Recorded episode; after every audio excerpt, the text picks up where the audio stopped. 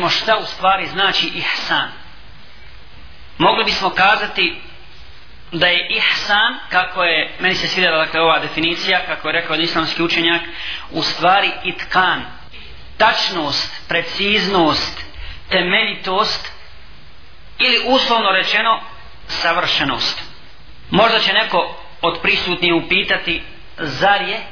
ovo dio odnosno ova tema, odnosno ova osobina, zar je dio lijepog islamskog ahlaka. Svakako, braćo i sestre, da je ova tema ili ova osobina dio islamskog ahlaka i da je islam posvećuje posebnu pažnju kako ćemo večeras vidjeti inša Allah. Jer ne zaboravimo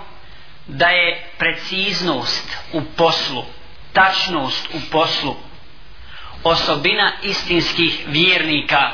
ono dakle što bi trebalo da krasi svakog muslimana i svaku muslimanku jeste upravo ihsan nažalost toga kod nas nema sjetimo se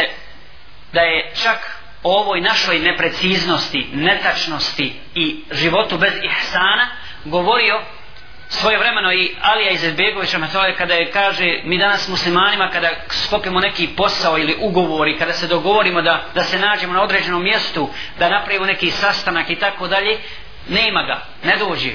zakasni to je naš običaj danas a tome nas islam tome nas islam ne uči jer na kraju krajeva Allah se kaže da je namaz propisao određeno vrijeme tačno da pet puta dnevno tačno se zna kad uči jezan i kad je koje namasko vrijeme Pogledajte koliko islam podstiče na tu tačnost i na, i na preciznost. Sani sa selem u jednom hadisu kaže, u hadisu koji ga bilježi Tabaranija, Hejsemi i Sujuti, Inna Allahe juhibbu ida amile ahadukum amelen en jetkanehu.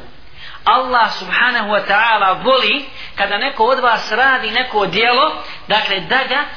temeljito uradi. Dakle, bilo koje dijelo koje je dozvoljeno, odnosno koje je po islamu naređeno, koje je dobro i korisno ako radiš to djelo Allah voli da to bude temeljito urađeno eto zar brate i sestra ne želi da te Allah voli ili zar mi ne želimo da nas Allah Đelešanuhu voli a ako to želimo a svakako da želimo onda bi trebali uljepšati naša djela trebalo bi da naša djela budu precizna, tačna i temeljita